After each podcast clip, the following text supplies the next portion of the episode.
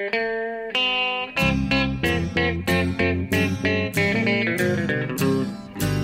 out there, we're on the air. It's hockey night tonight. Tension grows, the whistle blows, and the puck goes down the ice. The goalie jumps and the players bump, and the fans all go insane. Someone roars, Bobby scores at the good old hockey game. Oh, the good old hockey game is the best game you can name. Hallå, hallå, hallå, hallå, hallå, hallå, hallå, hallå, hallå, hallå. Hallå, hallå och välkomna till NHL-podcasten eh, med en Jonathan Teddybjörnen Ekeliv som vi väl trodde skulle låta eh, ännu mer entusiastisk. Hallå, hallå, hallå! Tjena, hallå allihopa! Välkomna! Den, den här gången, ja, där, där hade vi honom igen då i, i förnyad version. I, eh, där han befinner sig i Strömstad i, i, på västkusten i Sverige. Eh, Precis. Och mig då, Per Bjurman, tillbaka i New York efter nästan två veckor i Florida. Eh, och vi ska nu spela in vårt eh, 336 avsnitt. Det första efter säsongen 2020-2021. Just Eh, kan man väl säga. Den är ju faktiskt eh, avklarad nu. Ja, den är ju faktiskt det och det slutade ju på ett fantastiskt bra sätt. Jag höll på säga att jag nyktrat till lite. Kanske, jag ska inte prata på det viset, men jag har fått smälta lite grann eh, vad som hänt sen senast vi spelade in. Och det är ju faktiskt så att vi har en Stanley Cup-mästare och för andra året i rad så är det laget från den heliga stan där du just är hemkommen från. Eh, Tampa Bay Lightning. Så att, eh, tack allihopa, tack. Ja, eh, back to back, Jonathan, det hade du inte vågat drömma om för något år sedan. Nej, verkligen inte.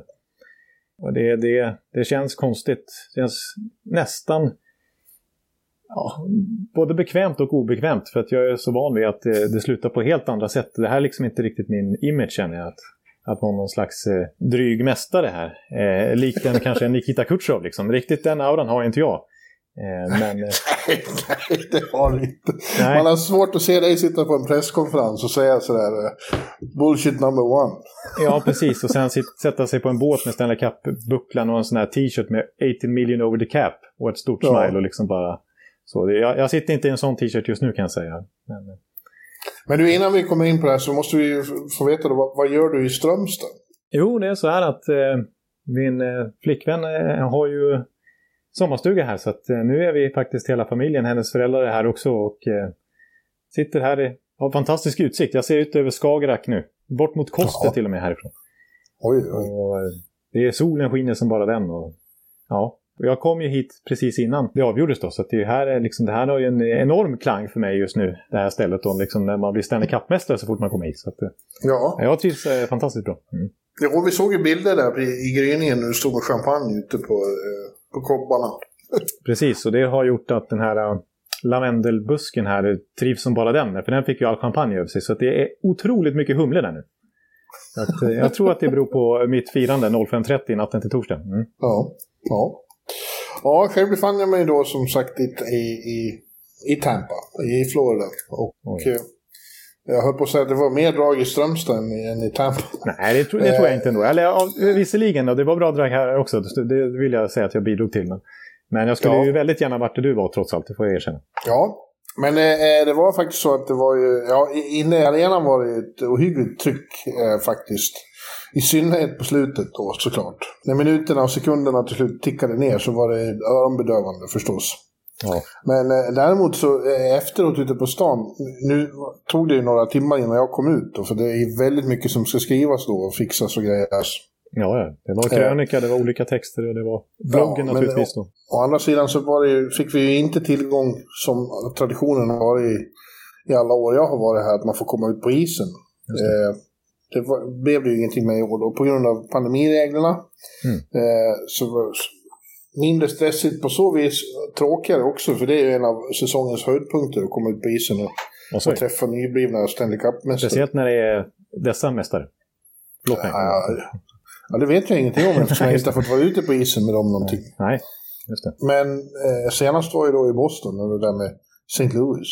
Eh, men, Sten men, och Stanley. Ja, ja, men sen jag satt och skrev, men sen skulle jag ut och, och, på festen, men det var ju väldigt dött i centrala Tampa. Ja, jag såg att det var noga att poängteras det uppe i Montreal, att det var inte riktigt ja. lika många Nej, det var inte som det hade blivit där. Nej. Nej. Eh, hittade till slut några skumma barer vi satt i. Men de stänger ju så tidigt och så många människor i Tampa bor ju inte inne i Tampa. Utan eh, på amerikanskt vis utspridda i nejden runt omkring där. Just det, och Tampa, visst, man pratar ju ofta om Tampa, men laget heter ju Tampa Bay och det är ju för att inkludera hela liksom, St. Petersburg och allt runt omkring där. Det är ju liksom inte... Själva Tampa är ju egentligen ingen jätte, jättestor stad, utan det är området i sig som är... Ja, mm. ja och Tikiban hade hunnit stänga och, och eh, du, skulle, du kanske skulle ha varit trots allt här i Tiki-torpet som jag börjar kalla det. Ja, jag skulle ha varit så. Nej, men eh, i alla fall så i, jag hämtade några kollegor i lobbyn på Marriott-hotellet innan vi drog vidare. Och där sprang jag ju rakt in i en gemensam bekant till mig, eh, Sami. Just det. Sami Terho, heter han så? Jajamän. Mm. Eh, som ju eh, vi har känt, eller framförallt du har känt i, i flera år eh, och bott hos. Jag bodde hemma hos honom i samband med Stanley Cup-finalen 2015. Mm. Ja. Ja, och han, han var där i en, en, en fin kostym som du såg. Det var ju bara eh, en riktig Tampa Bay Lightning-kostym. Ja, det var bara lightning-lågor över hela kostymen. Det var den vackraste, det vackraste jag sett tror jag. Ja. Så fick vi träffa, jag träffade också då hans eh, son, Jonathan, som han heter, fantastiskt nog. Ja, jag vill säga att är, han är döpt efter en annan Jonathan här, men det kanske är att ta i. Ja. ja, eh, det var ju en väldigt liten knatte nu. Jag såg honom första gången. Han var ju inne på sån här maskot på isen en gång. Ja, han åkte ut och, och anförde då Thunderstruck. Liksom. Ja, ja. ja, men nu har det blivit en, en, en ung man. Mm. Men vi, fick, ja, det var trevligt att hälsa. Vi, fick, vi tog selfies och så ihop. Det var trevligt. Så att, eh, Trevligt att ses pojkar, vill jag bara säga. Ja, en shoutout. Och lyssnar av NHL-podden dessutom, båda två. Ja, mm. ja fina människor. Det mm. var kul att träffa.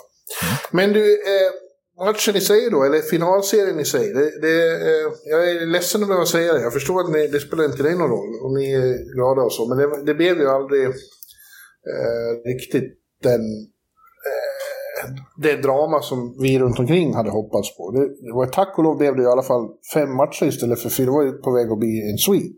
Ja, jo, så var det. Jag tyckte nästan, ska jag vara ärlig så tycker jag nästan Tampas fjärde match, den som de förlorade, var deras bästa. Ja, det är ju det konstiga med det här. De dominerade ju den matchen, men lyckades för en gångs skull inte få utdelning och Carey Price storspelade och kanske överglänste något Vasilevski just den matchen. Men eh, då blir det naturligtvis Montreal-seger, så det är ju en konstig sport vi håller på att analysera. Ja, det var ju tidigare, å andra sidan var det så till exempel eh, match nummer två skulle ju Montreal egentligen ha vunnit. Precis, då var de bättre, men då var det Vasilevski, det var ju hans kanske allra bästa ja. match i slutspelet av väldigt många exempel att välja ifrån. Ja, det var då han tog 42 skott.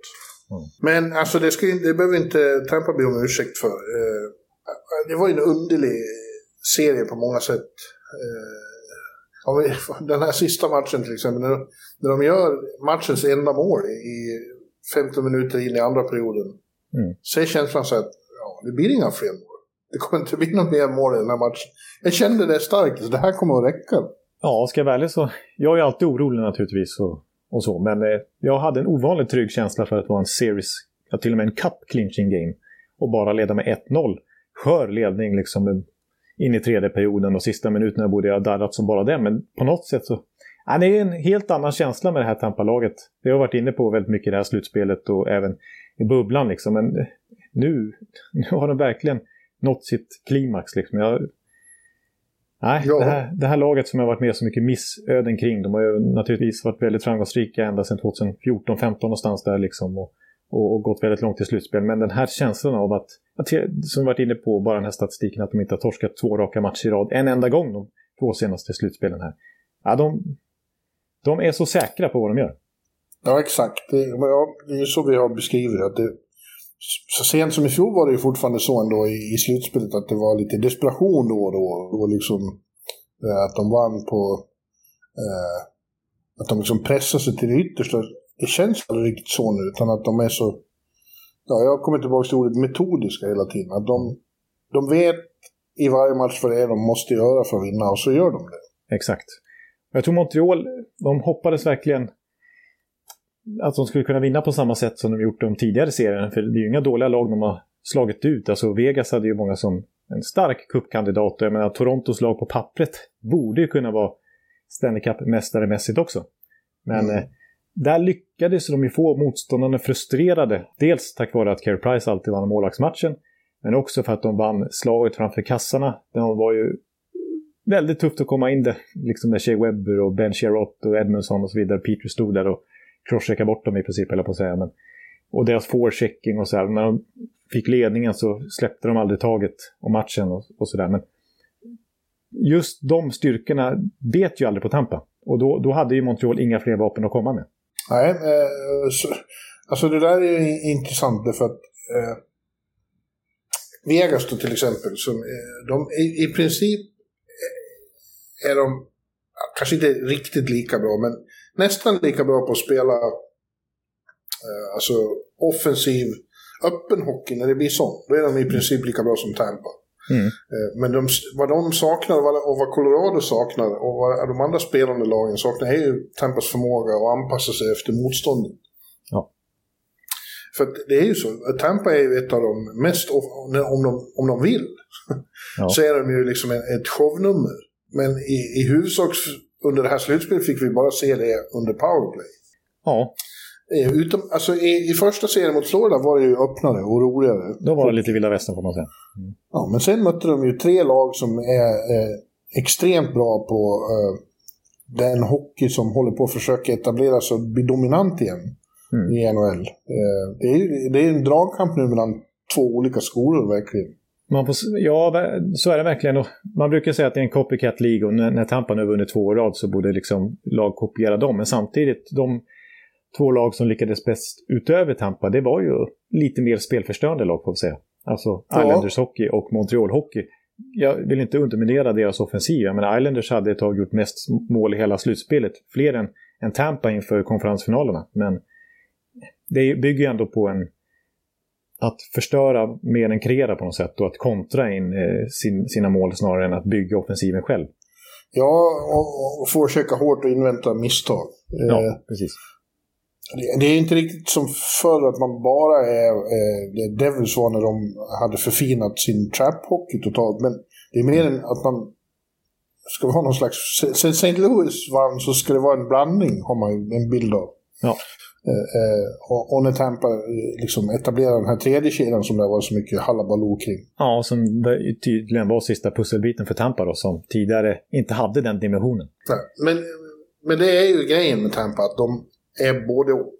Att de, de kan vinna på så många, så vi har, vi har sagt, men det är, de kan spela olika slags hockey. Mm. Det är upp till dem de möter. Vad vill ni, vill ni dansa? Sure. Då, ja, som Florida till exempel. Då blir det en sån ja, serie.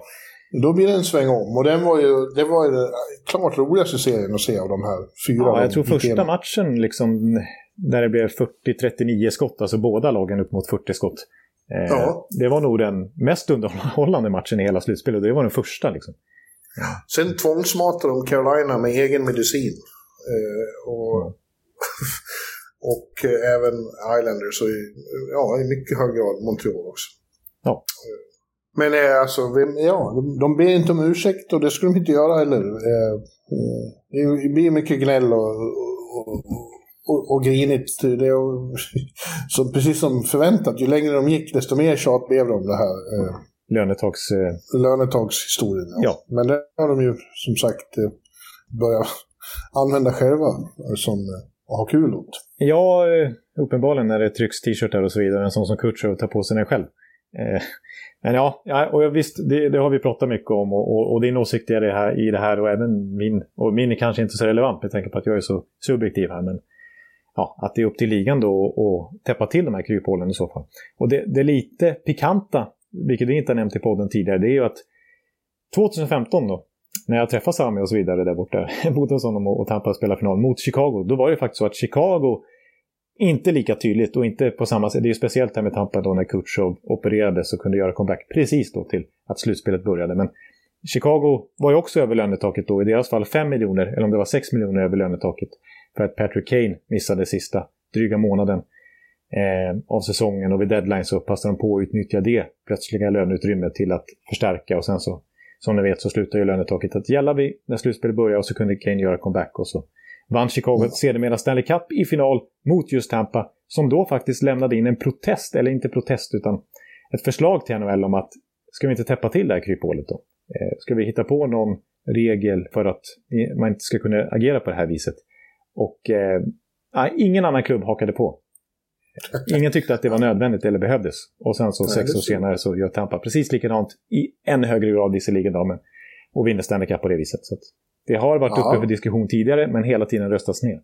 Ja, det finns ju någon som tycker att det borde vara, finnas någon form av, av tak även under slutspelet. Att man, kanske inte hela truppen, men laget som är på isen eh, skulle vara cappat på något vis. Just det. Och det här vill jag poängtera också i sammanhanget då, att det har ju varit mycket snack om just 18 million over the cap och det är det som trycks på t-shirtarna och så vidare.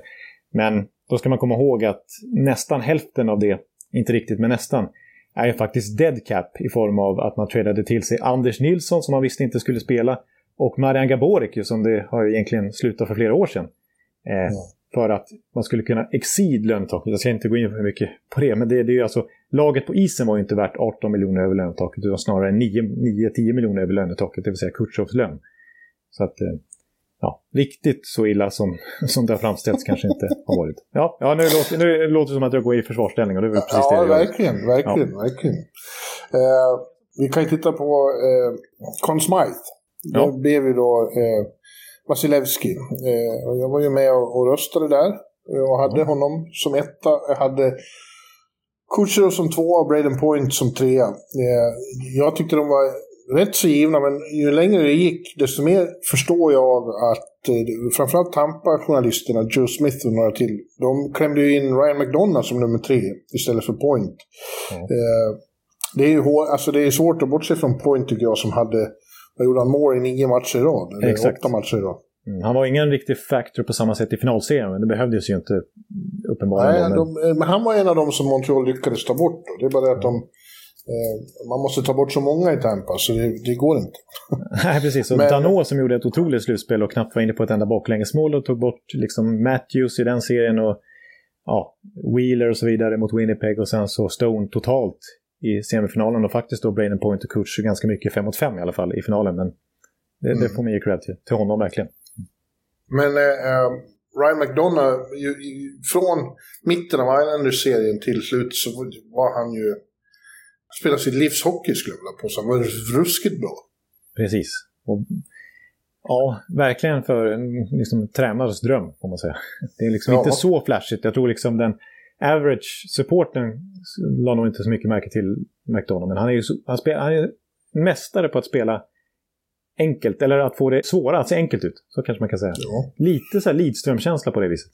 Ja, faktiskt. Men han hade också ett par sekvenser som var riktigt artistiska. Dels var det ju när han höll på att kvittera på, på Long Island med, med sin liggande backhand. En eh, liggande spinorama-backhand. Ja. ja. Och sen var det ju en passning bakom ryggen till, eh, vilken match var det? Ja, det var i Goodrow när de kvitterade i Montreal i match 4 som till slut förlorade. Ja, men det var ju en riktig läcker bit det också. Det var det. Just det. det eh, men, men Vasilevski, eh, alltså jag, för mig var det ganska given vi har här en, en, en målvakt som har hållit nollan varenda elimination game. När de har stängt serien och vunnit ända sedan finalen i fjol, så då håller han alltid nollan. Ja, är, han är uppe i fem raka liksom. Är, ja. Det är ju helt sjukt faktiskt. Eh, ja, och han har naturligtvis då inte heller då torskat två raka matcher i rad på två slutspel. Jag håller med om det och hans liksom bara räddningsprocent är nästan 94 procent på ett helt slutspel. Det är ju fantastiska siffror. Och de här underliggande siffrorna som jag gillar att, att lyfta fram, till exempel goals saved above average, som är lite godtyckligt och svårt att bedöma, men så lägger han på nästan 13, han borde nästan ha släppt in 13 fler mål i slutspelet än vad han gjorde. Det är en ja. otrolig siffra på mindre än 30 matcher. Och, och tvåa i den statistiken var Carey Price. Och han låg på nästan fyra, alltså att han, han räddade fyra mål fler nästan eh, än vad han borde ha gjort. Jag menar, det är en ganska stor diskrepans upp till ettan, Vasilevski på 13. Ja. Ja, han är, han är, eh, han är bäst eh, i världen just nu. Det är bara så. Han är, det, är, det är något eh, Hasek och Patrick Roy-artat över honom. Det är inga dåliga Jag skrev någon krönika om det, att det, det var länge sedan en målvakt betydde så här, men var så otroligt dominant i finalen, eller i slutspelet. Eh, vi hade ju Tim Thomas, eh, 2011 var ju också väldigt bra. Vann väl Conn Smythe också? Ja, det gjorde han det. Thomas vann 2011, så Quick faktiskt då första Kings-titeln 2012. Ja. Jag tycker Quick var fantastiskt då också, men sen dess har faktiskt ingen målvakt vunnit Conn Smythe. Så det är inte helt vanligt som man kanske tror att det är. Nej, under, under, jag var inne på det flera gånger. Under cap-eran medan jag varit här så har det varit liksom... Då och då har, har, det hetat att man ska inte eh, bränna så mycket pengar på målvakter. Eh, de är inte så viktiga, det går att vinna ändå. Och man har pekat på eh, när eh, Detroit vann med, med Chris Osgood som inte var så märkvärdigt. Antiniemi för Chicago där. Ja, och precis. det har varit Matt Murray, det har varit Jordan Binnington och sådana här eh, på förhand ganska... Ja. Ja, inte Men nu etablerade. vann, vann lag, eh, de lag som gick längst hade otroligt mycket pengar eh, på sina målvakter. Ja. Tampa, Montreal förstås, Vegas också. Eh, Just det, den dyraste målvaktssidan. Ja, men någon, eh, rätt så dyrt är det ju även på, på Long Island. Ja, det är det. Ja, men jag, givet, givet eh, Conn seger, och jag fick ingen skäll heller. När, Nej, det var inte som med Kaprizov där. Jag Det tänker bara stå ut, Bjurman. Jag hade varit den enda som tog eh, Victor Hedman. Då hade det blivit bråk. Ja, just det. Då är frågan om du hade varit rösta nästa år. Ja, det, förmodligen. Ja, men jag, Ja. jag vill nämna Kutjov också. Vi har pratat mycket om vad han har gjort efter finalserien. Men eh, eh, alltså hans finalserie var ju kanske inte blandande med slutspelet. Alltså han vinner slutspelets poängliga i år igen, precis som i fjol. Räcker det ännu en gång inte till Conn Smythe, dock. Men eh, jag tycker bara en sån här statistik, jag pratar mycket olika statistikgrejer om honom under slutspelet, men här tycker jag som sista då, för den här gången, tycker jag att det, det här måste nämnas ändå att av spelare som har lirat lika många slutspelsmatcher i karriären som honom, så är det bara fem i hela NHL-historien som har ett högre poängsnitt. Ja. Och man kan ju tänka sig vilka namn det är. Det är Wayne Gretzky, det är Mark Messier, det är Mike Bossy, det är Jari Kurri och den sista är faktiskt Peter Forsberg. Ja. Säg en del om Ja, Peter. Forsberg också.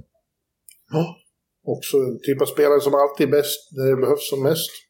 Ja. största ögonblicken. Mm. Men det vad gäller Kucherovs presskonferens där, den var ju lite häpnadsväckande. Han kom tillbaka till kropp och bara tryckte i sig en massa Bud Light och, och eh, extremt eh, oödmjuk. Det får man säga. Det är väl ett snällt eh, uttryck, jag på att säga. Ja, eh, och det har ju blivit mycket liv om det. Jag, jag eh, man, man blir lite här, här, här, det klagas igen på att eh, NHL-spelare är för, inte har någon personlighet och att de är för sig för tråkiga saker och är mediatränade och så vidare. Så när det väl händer att någon är spontan och väldigt person, har väldigt personlighet, då är det fel också. Just det. Då är det super osportsligt och Ja. och- Ja. Men däremot så förstår jag väl kanske inte riktigt varför, varför han begår misstaget att hoppa på Montreals Nej, det är väl fel. Nu har han ju en miljontals emot sig om man säger så. Ja, det kommer inte bli lätt eh, när han kommer till fullsatt eh, Bell Center nästa gång. Det är garanterad bufest. Ja, det, det är nog paritet med vad Tavares utsattes för på Long Island. Då. Ja. Den matchen slutade 6-1 första gången. Så. I baken. Så att, ja, Ja, ja men, men eh, ja, vill, han, vill han ha det så så får han det. precis. Nej, men det, det, han är ju, jag kommer ihåg att i en lista tidigare i våras så skulle du utse ligan på sajten då, på Sportbladet. Ligans tio mest hatade spelare. Liksom de Ja. största råskinnen och rötäggen och så vidare. Då kanske vissa reagerar lite grann på, för det, det var klart det var Tom Wilson och det var Brad Marchand och så vidare. Men då hade du faktiskt med Kutjerov också för att det är ju lite Mm. av en ful fisk. Det visste vi redan sedan tidigare. Alltså. Det, Ja. Mm. Det visste du. Men du, eh, för att avsluta det här med finalen. Du, du, du skrev ju, ett, det var en intressant tweet där på, eh, när de hade vunnit, att eh, det här är, eh, nu står Tampa Bay Lightning i Zenit. Eh, bättre än så här kommer det aldrig att bli, hävdade du. Inte under den här generationen i alla fall. För nu, hur de än vrider och vänder, det här laget kommer inte gå att behålla. Nej, alltså jag har ju svårt att tro det. Visst, Julien Brispa har motbevisat mig tidigare, men, men de ligger alltså redan nu 5 miljoner över lönetaket. Och då har liksom Gaborik och de här försvunnit. Eh, och och då, är, då är det så att nu har de här två kontraktsåren löpt ut på Coleman och Goodrow. Och jag menar, de har ökat sitt värde enormt tack vare Ja. de här två Stanley Cup-titlarna och deras insatser. Bidrag till det. Så att, jag menar, de kan ju få väldigt fina kon- kontrakt av andra contenders nu. Mhm. Eh, Men eh, nej, så att jag, jag har svårt att se hur det här ska gå ihop liksom. Eh, det kommer naturligtvis försöka bli av med Tyler Johnson igen som gjorde bra reklam för sig i slutspelet. Eh, det kan vara så att en sån som Killorn försvinner. Jag menar, innan Kutjovs skada och operation där så var det till och med lite snack om Stamkos. Att eh, börja viska lite där om, om han ska häva sin no trade-klausul, vilket jag har svårt att tro. Men nej, så att, att få ihop ett så här komplett lag igen med den tredje kedjan, med den backuppsättningen, med den helheten. Det, det, det har jag svårt ja, att tro igen. Vi nämnde inte backarna här, så det är också det. De har tre eh, otroligt solida backpar. Vi, mm. det, det, finns lag med, med fler 1A och 1B-stjärnor finns det rätt många där ute, men det finns inte många som har eh, de här tre backparen där man har Gadem Sergachev i tredje par. Ja, precis. Det är liksom en, en storstjärna. Han är nästan där uppe i alla fall, Sergachev, som leder varje backpar. Hedman, McDonough och Sergachev. Ja. Som kompletteras av hyfsade spelare får vi också säga. Serna tycker jag är lite underskattad och så då Rutta har gjort Rut det bra. Rutta har varit väldigt uh, underskattad tycker jag. Ja. Honom har jag mest haft kul åt att jag vill sätta ett P före R ja. i, i, i efternamn. Men han, var ju, han, han, han, har verkligen eh, etablerat sig som Hedmans nya backpartner. Just det, och så Savard som var den stora årets stora deadline-förstärkning för Tampa som går in i tredje backpar ihop med Sergachev intressant är det ju att målet, målet som de gör i, i, i femte matchen, som det enda målet som avgör, är mm. alltså Savard som passar till, eh, vad heter Colton. Colton ja. De enda två som inte var med och vann i fjol. Så det var, det var de som vann kuppen åt, åt Tampa. Det var ju fint på ja. sitt sätt. Ja. Men du tror att eh, eh, ambitionerna på en trippel, eh, det blir svårare? Ja, alltså jag tror inte det är omöjligt. Det, det, tror jag faktiskt inte, men jag har svårt att se att de ska vara li, lika kompletta och lika dominanta som jag trots allt vill säga att de var i det här slutspelet. Det blev ju en Game 7 visserligen mot Islanders, bara 1-0-seger även där. Så att där, Islanders var en, verkligen en svår nöt för dem att knäcka, men jag tycker generellt sett att det spelet som Tampa har presterat, den jämnheten, kontinuiteten, att jag ska kunna få se det igen, det, det kan jag inte tänka mig. Pat Maroon, kommer han att bli kvar? Ja, han har faktiskt kontrakt. Och han valde att skriva väldigt lågt med Tampa för att fortsätta vara kvar i klubben. Eh, ja, så han har ju redan en trippel. Han har, han, han har börjat glömt hur det känns att avsluta en säsong utan att vara Stanley Cup-mästare. Ja, och så att ha kvar honom i laget ett år till, det, det är ju inte negativt så att säga. Med tanke på vad han, hans aura. Ja. Ja, och nu medan vi spelar in det här så, eh, det är måndag nu. den 12. Mm. Och nu håller man på att förbereda sig som bäst nere i Tampa för paraden då, som kommer att vara by the sea i år också. Just det. De kommer åkande i båtar och, och såna här, vad heter det, jetskis. Just det. Mm. Eh, och den, det är lite sent, det var ju onsdag som vann. Eh, och, men vet du varför? Nej, jag har faktiskt inte förstått varför. Jag tycker också det var konstigt att de inte körde den snabba, eller nu i helgen när folk är lediga och så vidare. Ja, men det vet du vad det berodde på? Det är Vinnik, ägaren. Hans dotter gifte sig i lördags. Så ja. det var på hans eh, initiativ. Nej, vi ska ha bröllopet först och sen parad. Oj, oj, ja du ser. Ja. Men eh, där kan man ju tycka lite vad man vill om. Men, men samtidigt har man svårt. Alltså, Vinnik är ju den stora. Jag har pratat om det tidigare på så vi behöver inte gå in så mycket på det nu. Men det är ju han som är hela... Han, Steve Eisenman och så vidare. Al Murray deras talangscout och liksom scoutchef. Då. Det finns ju många att lyfta fram. Men liksom den här epoken av Tampa Bay, men det startade ju när Jeff Winnick klev in som ägare och gjorde hela organisationen mycket mer professionell. I det ja. läget han tog över dem, då var det faktiskt så att NHL faktiskt fick ju kliva in och äga Tampa Bay ett tag. För det var så totalt kaos och de två ägare som hade dem dessförinnan var ju i bråk med varandra. Och, ja, då, då höll det på att sluta i att Tampa flyttades, eller Lightning flyttades från Tampa till och med. Men så kom Winnick in. Tampa flyttade hela stan? Ja, det var nästan så att hela Tampa ville bort, bort från det där. Men, eh, nej då, men, eh, men Winnick är ju är ju Mr Tampa Bay, så är det Ja, det är han. Inte bara Tampa Bay Lightning. Han håller på att bygga om hela centrum där. Det, det är ju, alla sidor om arenan är det nybyggen nu. Liksom. Man blir alldeles häpen ja. över vilken transformation som Downtown Tampa genomgår. Och det är hans initiativ alltihopa. Precis. Ja, och det är fantastisk Riverwalk han har sett till att bygga här också som, som Ja, men du, nu har inte du varit där på ett tag. Du skulle ju knappt känna igen det. Nej, visserligen. Det har väl hänt så jättemycket på, på ett och ett halvt år sedan jag var där sist. Mm. Ja, ja det, de där två Marriott-hotellen, de är liksom systerhotell nu. De har verkligen blivit liksom knyter ihop stan. Ja, det är coolt. Ja, jag, vill, jag måste dit igen så fort jag har möjlighet.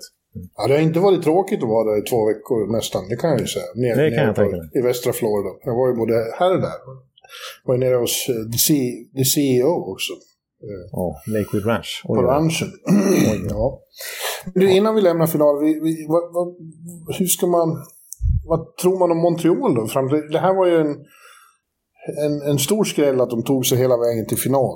Eh, och i, i och för sig då så har vi varit inne på, de var bra i slutspelet även i fjol. Och att eh, Bergevin har haft något väldigt intressant på gång. Mm. Men det här var ju ett, ett, större steg än någon även där hade vågat hoppats på. Absolut, bara en sån sak som att kolla på draften så snart är, och inte expansionsdraften utan vanliga talangdraften. Då har ju faktiskt Montreal 11 val. Det låter ju som ett Detroit eller Ottawa ungefär. Alltså ett rebuild-lag.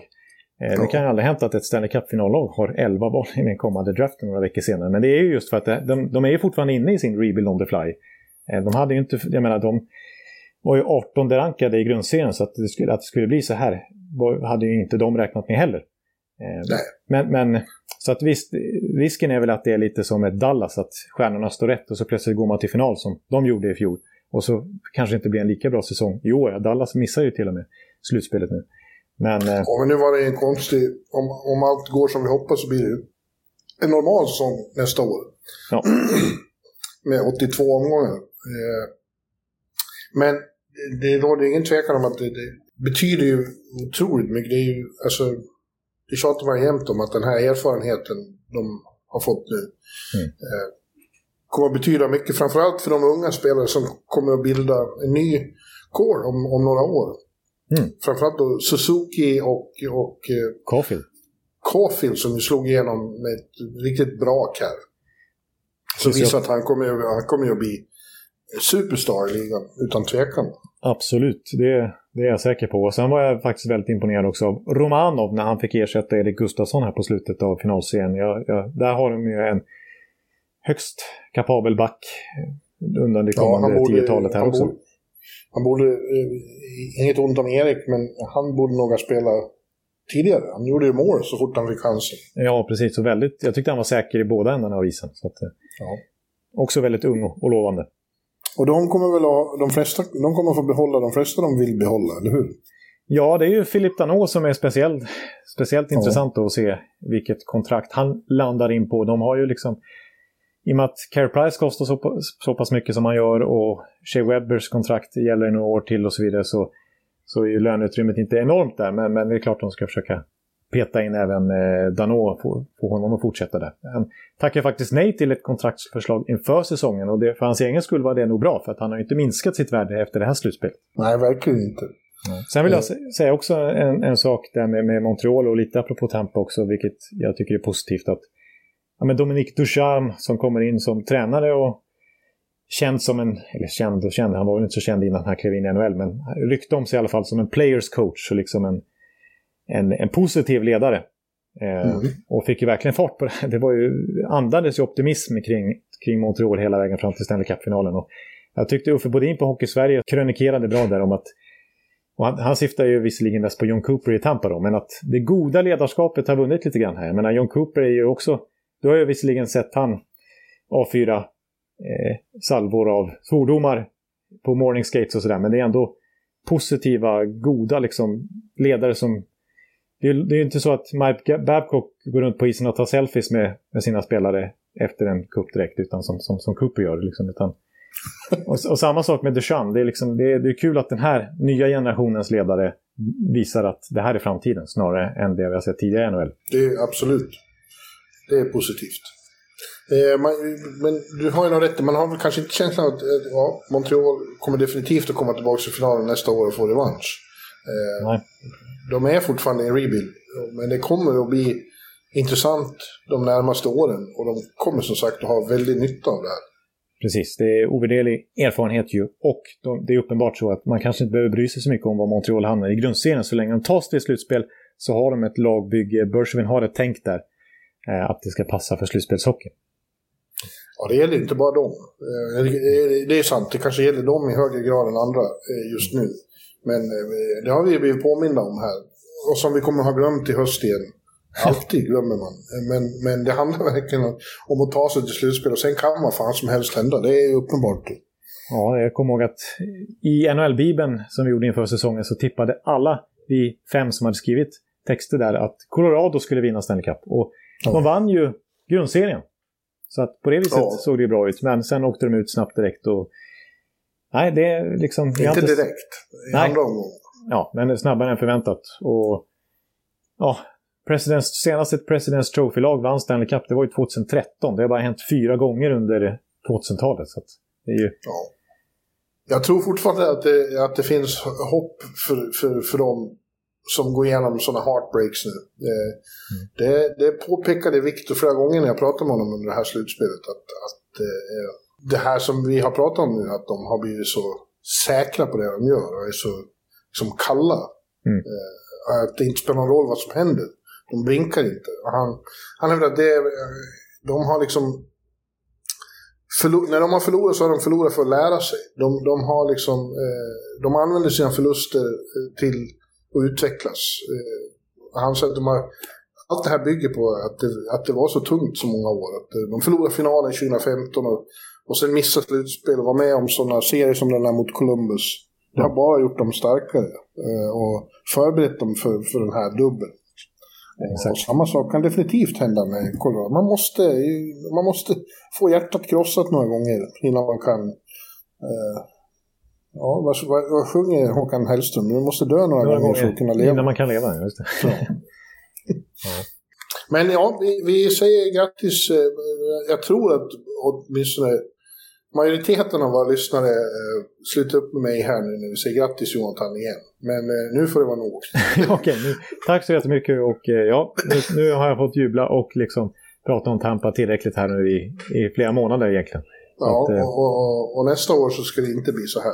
Jo, nu går vi för feet vill jag bara poängtera, men jag, jag förstår det. Nu, ja, men vi lägger väl lite grann den här säsongen till handlingar nu faktiskt och börjar koncentrera oss mer på vad som händer kommande veckor. För den här liksom, NHL-tempen är ju långt ifrån på väg att svalna av faktiskt kommande tid. Ja, det, det är ju så här, när, när finalen är färdigspelad då är, då är förra säsongen över. Men den nya börjar ju direkt med, ja. eh, och, och, speciellt i år då eftersom vi först har en ex, expansionsdraft och sen en vanlig draft och så free agency som i år ser ut att bli extremt eh, aktiv och, och, och, och, aktivt kommer det vara dessförinnan på, på, på tradefronten också. Eh, ja.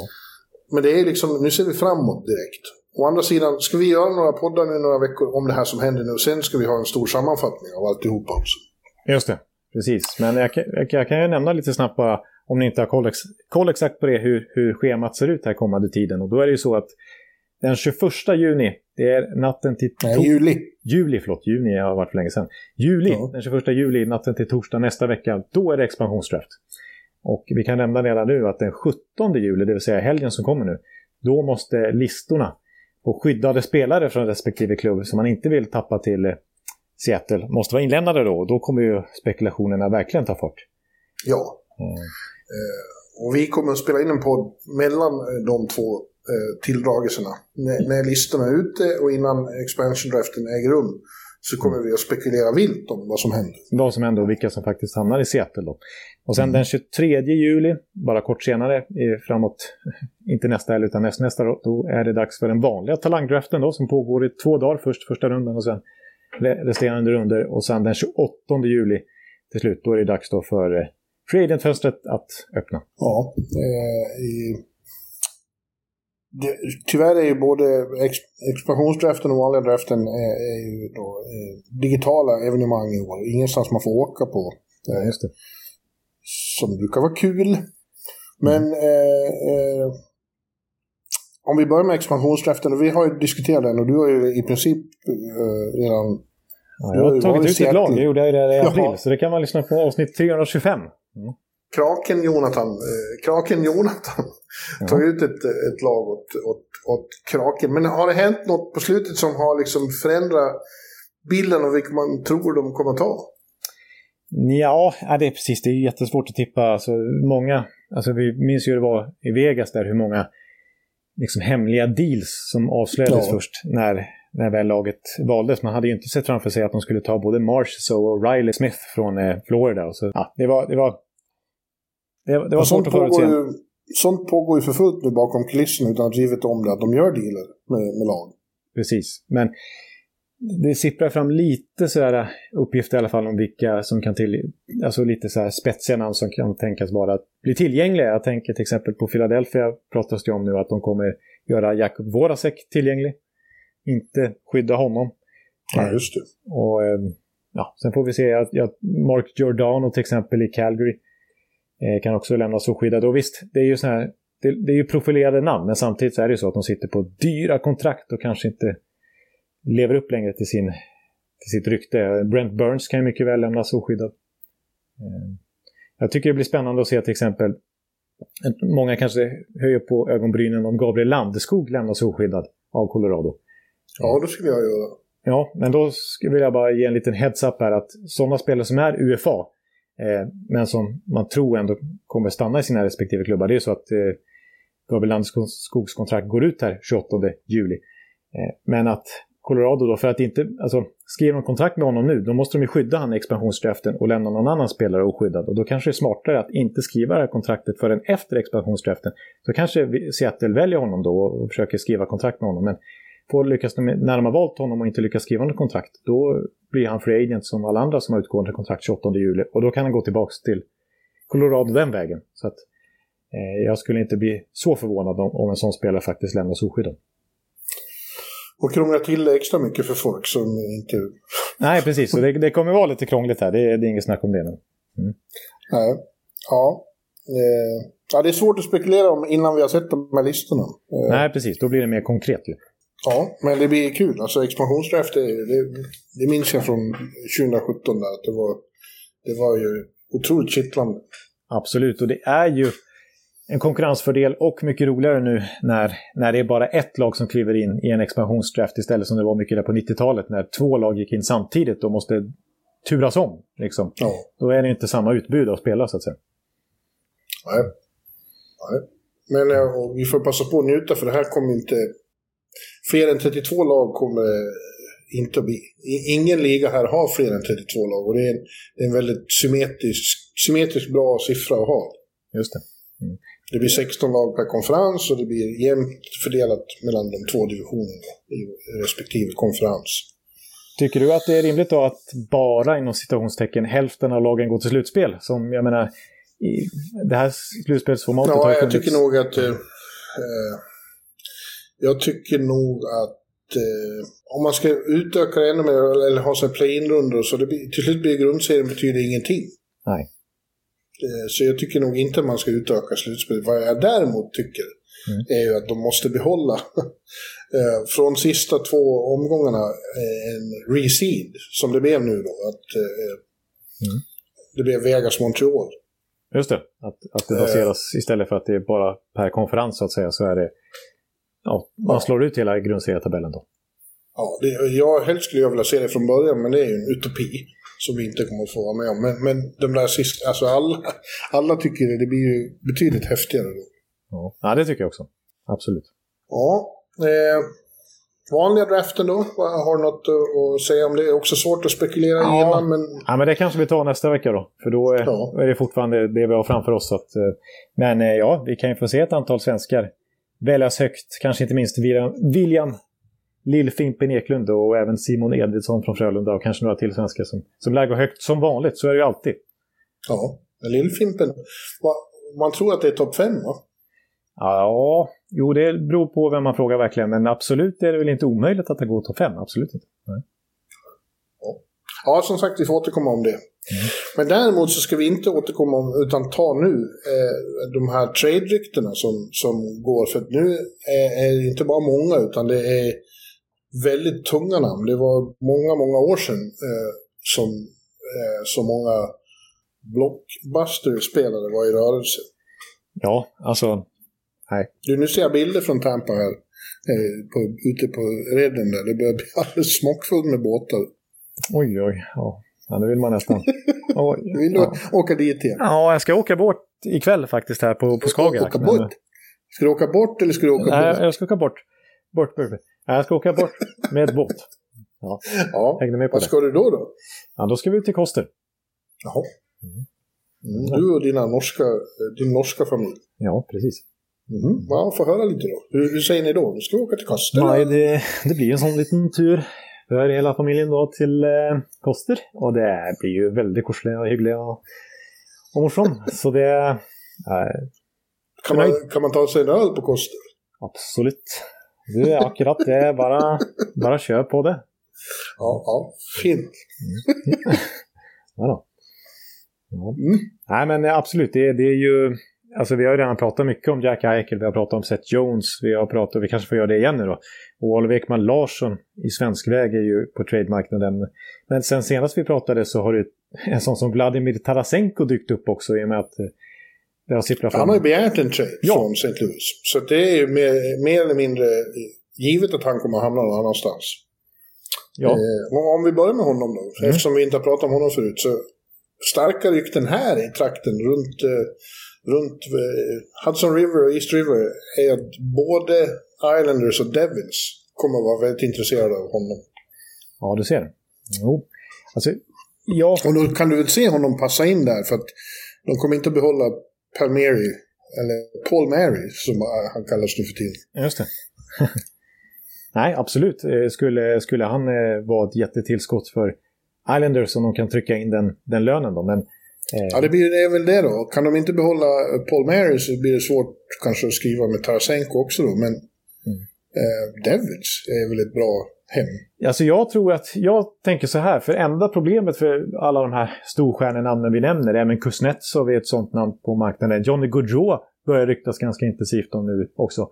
Eh, det är ju att det är fortfarande flat cap och det är jättemånga lag som ligger och klistrar mot lönetaket och måste nästan hålla på och börja göra som Tampa för att eh, klara sig under det. Och att, att då ta in storstjärnor hit och dit, det är ju väldigt svårt. Så det kanske är de här lagen som ändå har cap space i botten av tabellen. Typ ett Ja. New Jersey Devils som skulle kunna utnyttja den här situationen. Vi såg ju Los Angeles Kings ganska billigt plocka in Victor Arvidsson. Ja, Eh, liksom det, det, nu har ju de verkligen chansen här att ta ikapp ganska mycket lagen ovanför genom att utnyttja sitt lönetaksutrymme som aldrig någonsin har varit mer värt än vad det är nu. så det, det skulle ju ligans ledning tycka om, för de vill ju bara de vill ju ha så mycket parity som möjligt. Som det. Så det, Ja, precis.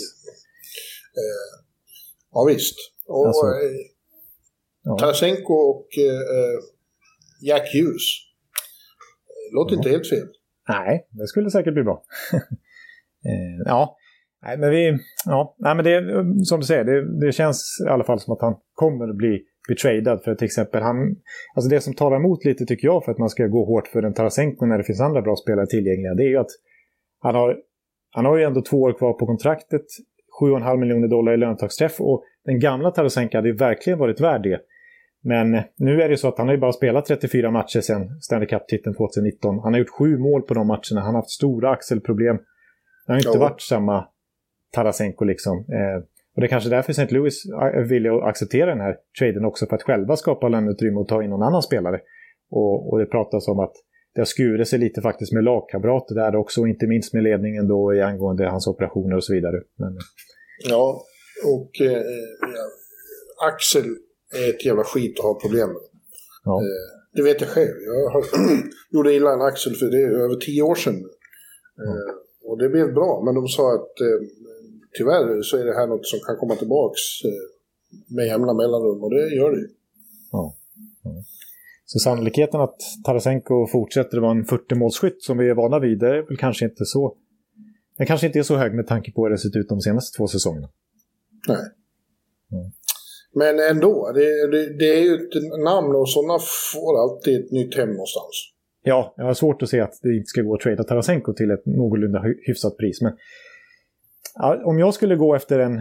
Om jag var ett New Jersey till exempel, eller ett sånt där lag som har löneutrymme, då, ja, då skulle jag nog snarare rikta in mig på Johnny Gaudreau. Om det nu är så att Calgary vill trada honom som det ryktas om. Och en anledning till att de skulle vilja göra det är för att hans, han är ju faktiskt bara ett år kvar innan han blir UFA.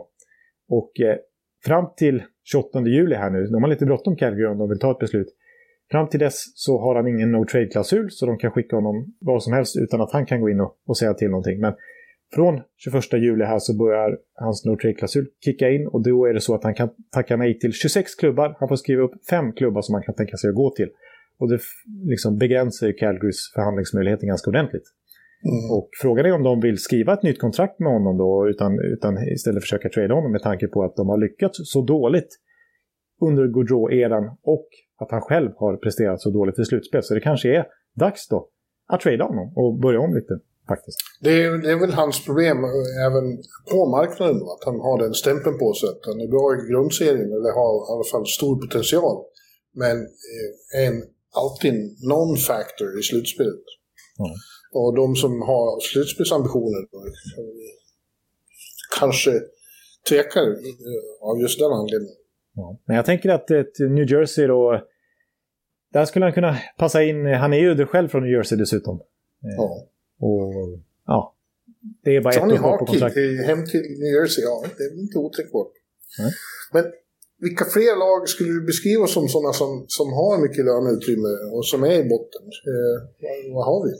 Ja, alltså jag, det känns ju... Alltså Detroit är verkligen ett sånt lag, men det känns som att. Iceman inte riktigt beredd att börja gasa där än. Nej. Jag tycker problemet för Detroit och deras rebuild är att de de, all, de har fortfarande inte riktigt fått den där superstjärnan att hänga upp sin nystart på. Alltså, de fick, de hade, fick ingen Lafreniere eller Jack Hughes eller något sånt där. Och eh, ingen Elias Pettersson eller något sånt där heller. Utan, eh, visst, Lucas Raymond är bra. Eh, Moritz Seider är bra. Eh, några till prospects som har Philip Sadina och så vidare är bra. Men inte den där givna liksom, franchise-spelaren än i alla fall. Så att, eh, jag tror inte de ska börja satsa för hårt än faktiskt, utan fortsätta hålla, hålla igång sin rebuild.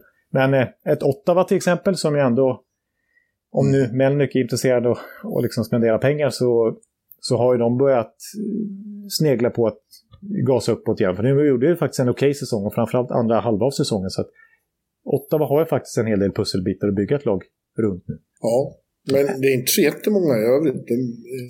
Anaheim kanske? Eller Kings har ju visat det lite redan nu. Ja, det är tre olycksbarn där borta på västkusten nu i Kalifornien med San Jose och Anaheim och LA.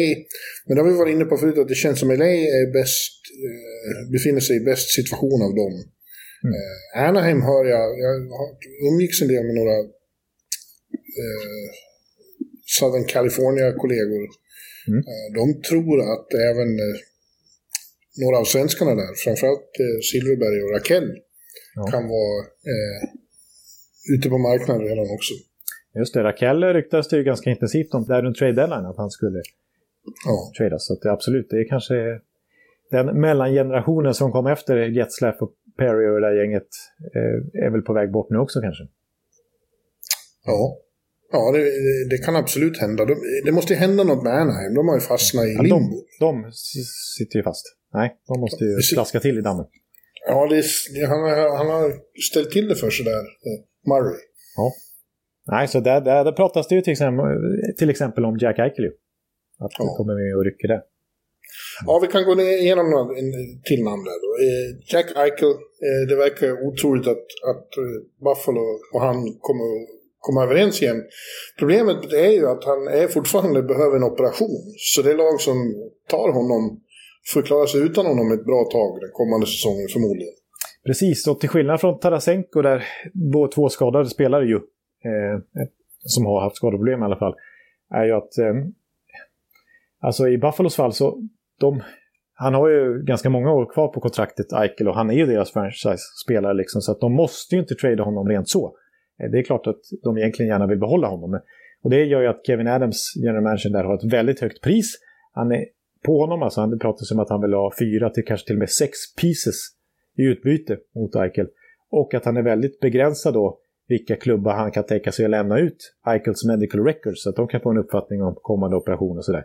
Ja. Eh, för att eh, nej, han tänker inte bara skeppa iväg Eichel hur som helst utan han ska få en enormt värde i så fall om man ska skicka iväg sin storstjärna. Eh, medan i Tarasenkos fall, där är det så att där verkar det som att eh, ja, det är bara att komma och, och kolla in Tarasenkos medical records här, inga problem. Vi ska trade honom, så kolla ni. Att, ja, vi får se vad Eichel landar. Jag har ju slagit, eller jag hoppas ju faktiskt på Minnesota har jag ju sagt i många veckor nu. Ja.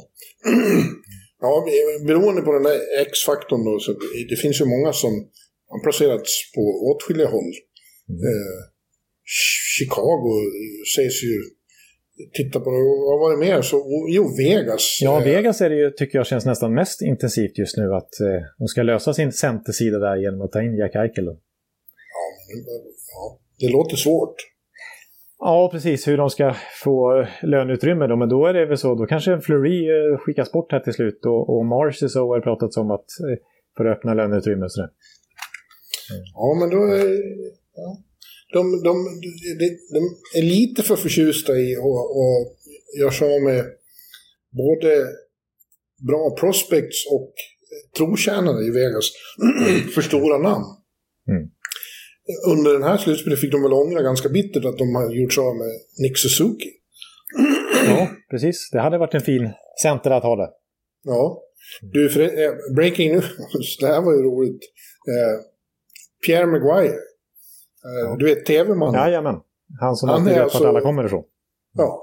Han har nu anlitats som Senior Vice President of Player Development av Ottawa Senators. Ja, Ottawa såklart. Är det någon organisation som ser lite värde där så är det väl dem. Ja. Så då har Pierre gjort sitt i tv-rutan och uh, han fick ju inget nytt jobb här efter NBC. Han var en av de som inte uh, eh, ESPN eller uh, TNT, ABC rookie. Så han har skaffat, han har säkrat sin framtid här i Ottawa. Ottawa, ja det är... Ottawa? Ottawa, ja det känns ju lite typiskt att det är just de som, som tar Pierre McGuire. Det kanske inte är den mest populära, alltså han är ju en lite hatkärlek till honom bland hockeyfansen. Ju. Ja. Mm. Ja, ja nu, nu, nu ja, är där. Ja. Eh, vad var vi? Jo, Vegas och Jack Eichel. Ja. Eh, jag skulle, jag skulle vara lite försiktig om jag var Vegas i det, avseendet, i det avseendet, måste jag säga. Det är annat de behöver. Visst, de behöver någon center, även om Chandler Stevenson är mycket bättre än vad vi trodde. Och saknades väldigt när han blev skadad där mot mm. Montreal. Mm. Men på ett sätt, Eller, Eichel, det skulle vara lite spännande att se han i en sån stark ledargrupp med Peter Angelo, med Mark Stone och så vidare. Alltså när han inte är den som ska leda laget som han gjort i Buffalo. För det känns som att Eichel är nog inte riktigt den han är lite för egoistiskt, egoistiskt lagd för att driva en hel grupp. Liksom. Han har fortfarande inte spelat en enda slutspelsmatch i karriären. Nej, det är helt otroligt. Men det skulle vara intressant att se hur han passar i en sån miljö som Vegas där, där, där det redan finns en så stark kärna av ledare. Liksom. Ja.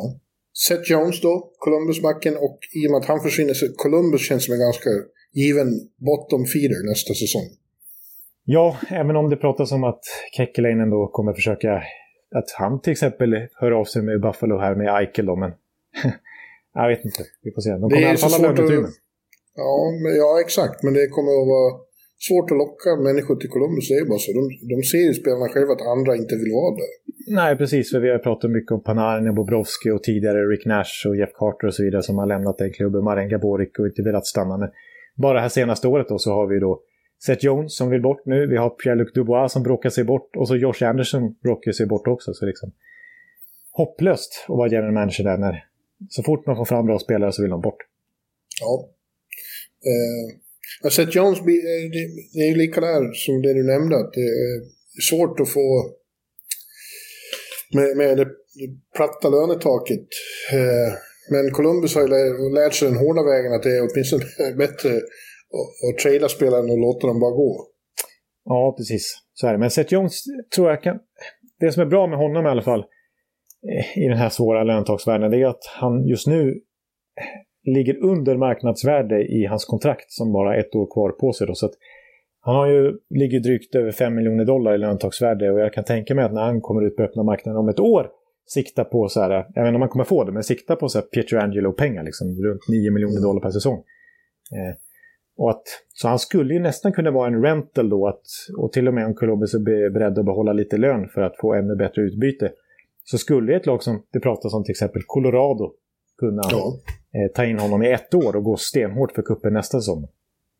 Det, lå eh, det låter helt sjukt. Uh, Seth Jones och Cale McCarr och, och Gerard och... och vilken backuppsättning. Mm. Ja.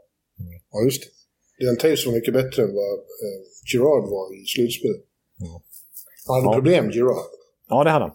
Men, eh, så att det är ju därför de väl... Typisk reaktion då är att man tar in en lite större, kraftigare back. Mm. Och det är ju Seth Jones nästan nästan 100 kilo tung. Mm. Kommer du ihåg hur bra han var i, i slutspelet i fjol mot Tampa? Ja, det var ju det var därför det blev så... Men när han var inne på isen gjorde ju inte Tampa mål känns det som. Och det var därför det kunde bli liksom matcher på sex timmar. Som en blev där. Han höll på hur länge som helst. Seth Jones var inne på isen hela tiden och då blev det inget mål. Var inte det en, en, en udda, eh, ett udda fenomen i årets slutspel? Det blev overtime några gånger, men det avgjordes nästan på en gång hela tiden. Ja, det tog ju oftast inte ens 100 sekunder så var det slut. Jävligt konstigt. Det var en, någon enstaka nattmangel som pågick i, i en och en halv extra period, men inga, liksom, inga långa nattmanglingar. Nej, för som det var i bubblan var det ju ett, ett, en rad sådana ja. rejäla overtimes. Liksom. Flera, flera, flera perioder. Nej, det var ju mer, de hann liksom knappt parkera samordning för det mesta. så var de ute och så var det slut ändå. Ja.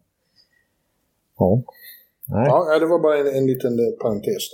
Ja, jag, jag tror en sån back som, som blir svår att trada däremot i, och jag har varit inne, inne på tidigare, men under nuvarande flat cap, det är just Oliver Ekman Larsson som ju naturligtvis är fortfarande en bra back, men inte lika bra som han var.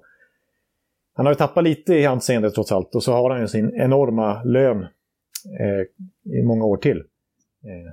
Ja, men jag såg någon uppgift nu om att han hade sagt att han själv, att den här säsongen inte var så, att han själv stördes av eh, just det här att, det, att klubben vill trada honom. Att ja, han, tappar, han tappar liksom lite självförtroende och trygghet där. Och det, så måste, det kan man ju tänka sig själv på jobbet om ens arbetsgivare vill bli av med aktivt. Precis, och en av, en av få trogna liksom, spelare i Arizona. En, en av få som varit där under lång tid liksom, och som varit, eh, liksom, skrivit på nytt långtidskontrakt där istället för att bli UFA och sådär. Och så belönas man med att man försöker göra sig av med mm. Det kan jag förstå att det är inte så kul som lagkapten. Mm. Nej. Ja. Nu, ser vi, nu ser jag här att Pierre Dorian i Ottawa har presskonferens och säger att det var en no-brainer. Ja, det förstår man ju. Bring, bring in the Pierre McGuire. To bring someone of his experience and his knowledge into our management group was what we thought would be a great addition. Ja. Och så säger Maguire, uh, It's not that I hate analytics. I believe in scouting. I think it's a tool that can be utilized. Ja. Ja. Mm. ja mina förväntningar på McGuire där är väl inte enorma. Det ja. Ja, ja. Det är kul att han fortsätter ändå finnas i NHL-sfären. Man vill ju ha honom någonstans. Kan Pierre Maguire få ett sånt jobb, då kanske du kan få det också så småningom. ja, det kan jag inte säga någonting om. om, om Tampa anställer dig som eh, analytics-expert, är, är du redo då? Nej, det är, det är knappt så att jag vill... För Tampa gör det så bra liksom, så jag vill inte gå in och fucka upp någonting där. Utan jag skulle kunna gå till Ottawa och se. Det är liksom, han har inte mycket att förlora. förstöra för Ja, visserligen. Nej, men det känns som att där kan man inte fucka upp så mycket mer i alla fall. Än vad det redan är. Så där har man ju har man inte höga förväntningar på sig. Nej. Ja, vad har vi mer då? Vilka fler kommer att... Uh... Ja, det pratas ju, jag nämnde honom kort, men Kuznetsov är ju ett namn som... Uh, men visst, eh, när, Alltså, han har också liksom inte presterat på samma nivå som han gjorde eh, när de gick och vann 2018 Washington men, och har en ganska hög lön och så vidare. Men det är ändå en första center, en potentiell första center och sådana växer ju inte på träd. Sådana finns ju sällan tillgängliga så jag kan tänka mig att det ändå är någorlunda stort intresse för honom. Och, och att Washington då kan frigöra det löneutrymmet för att kunna ja, fortsätta vara kompetitiv och kanske behålla, inte släppa Orsi till Seattle expansionsträff när vi får se. Men, ja, Eh, men jag tror att, att Washington kommer ligga på ganska rejält för att bli av med honom och jag tycker intresset borde vara relativt högt ändå. Trots Kuznetsovs sådär säsonger bakom sig. Ja, det, har ju blivit lite väl mycket liksom, skit kring honom. Framförallt med drogerna. Ja, precis. Och sen så hur han har skött sig under här pandemisäsongen när han har brutit ja. mot coronareglerna en och två gånger liksom. Det är ju inget bra intryck. Han var uppenbarligen ingen favorit hos, hos uh, Lavaliette.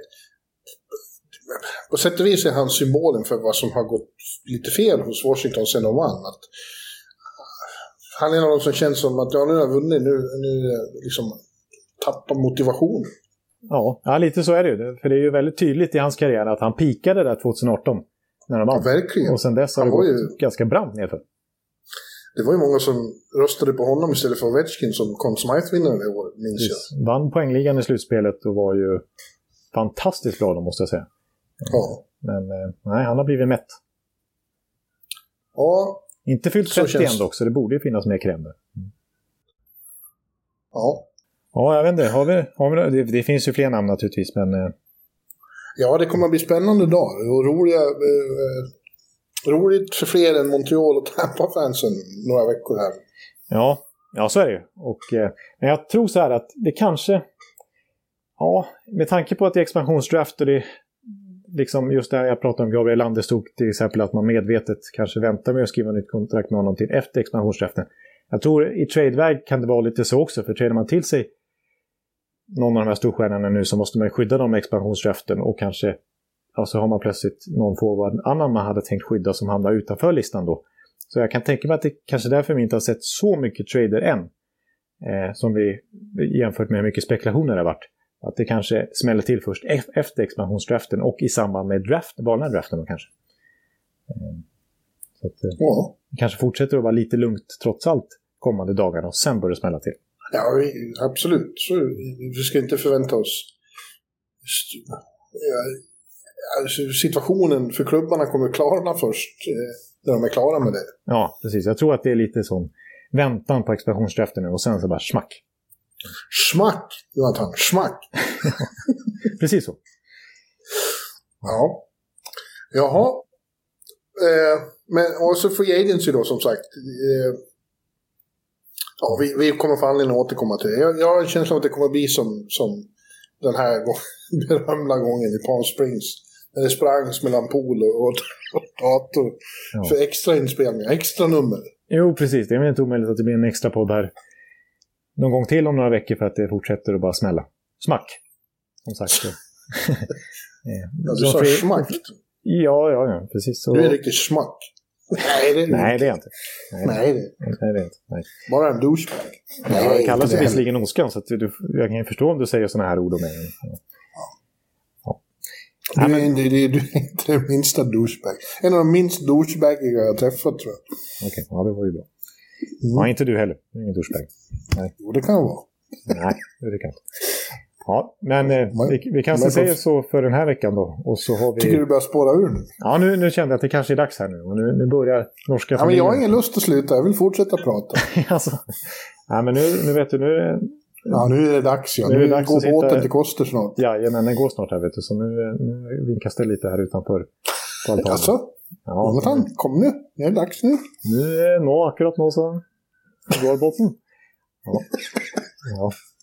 Nej, men så Ja. jag får helt enkelt eh, hoppa på den då och sen så klippa lite efteråt och sen så kommer podden ut. Det vet ni ju i och med att ni lyssnar på det här nu. Men eh, så hörs vi då mellan, Ja. ja, i dagarna där fram till expansionsdraften när vi vet hur listorna ser ut.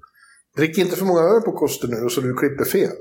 Nej, det ska jag inte göra. Jag ska försöka få det att låta någorlunda lyssningsvänligt. Mm. Ja. Ja, men eh, eller också så kan du låta inspelningen stå, stå på så kan jag prata på. Eftersom jag är så tarträngd och jag, jag har lust att prata. Är det sant? Ja, just det. Är oerhört olägligt egentligen här. Kanske får du... Nej, jag får, jag får sitta här och prata för mig själv då, utan inspelning. Ja, just det. Ja. Ja, det har ju faktiskt hänt i något avsnitt att jag höll monolog där när, när du inte orkar lyssna längre på min, mitt draftsnack där när jag liksom nördar ner mig totalt. Vet du. Att, Ja, just det.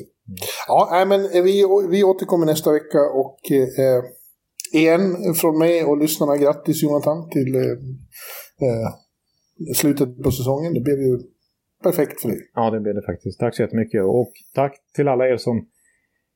Ja, som, och tack till dig Bjure som har kämpat på eh, hela säsongen här. Nu får du... Ja, du kan ju inte riktigt andas ut än, men, men eh, nu har du skrivit sista hockeymatchbloggen för säsongen i alla fall av oändligt många. Jo.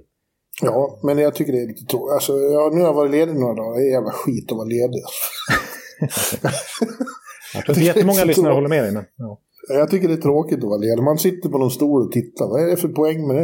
Ja, det. Ja, Jag man vill kan känna sitta att jag i en lever. hockeyhall på en stol där istället och skriva blogg. Ja, man, vill, man vill ha eh, deadline-stress som finalkvällen. Då när man är klar, då känner man att man lever. Just det, då har man faktiskt gjort rätt för sig. Ja. Ja, jag vill vara ledig två, två dagar i sträck. Det räcker för mig. Sen, är sen vill jag liksom bli stressad igen. Ja, ja. ja det, det är väl en bra egenskap visserligen. Nej, jag tror att det är en väldigt dålig egenskap. Ja, ja. Men eh, så är det i alla fall. Ja, men... Men, eh, men eh, ni som tycker om att vara lediga och sitta i, ligga i hängmattan, ha en underbar sommarvecka. Det är högsommar nu. Det är det här, de här dagarna vi drömmer om när det är januari och mörkt och kallt och viner runt knutarna. Då är det de här dagarna som, som vi längtar så oerhört efter. Så ta vara på dem nu. Ja, njut allihopa nu. Ja. Och så hörs vi snart igen i några hörlurar nära dig. Hej då! Hej!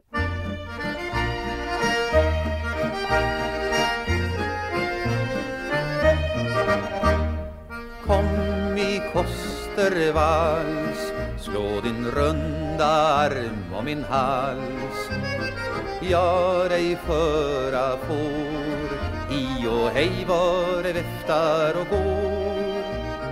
Kostervalsen går. Lek och smek blir skrever och snår. Jag är din och du är min allra kärestan min dejliga mö på Kosterö. Du min lilla rara fästemö. Maja lilla hej, Maja lilla säg. Säg vill du gifta dig? Kom i Kosterbåt. Nu i natten följas vi åt. Ut på hav vi gå där som marelden blänker så blå. Ja, dig smeka väl. Där som dyningen lyser som eld. Jag är din och du är min allra kärestan min. Dig ligga mö på Kosterö. Du med lilla råra fästemö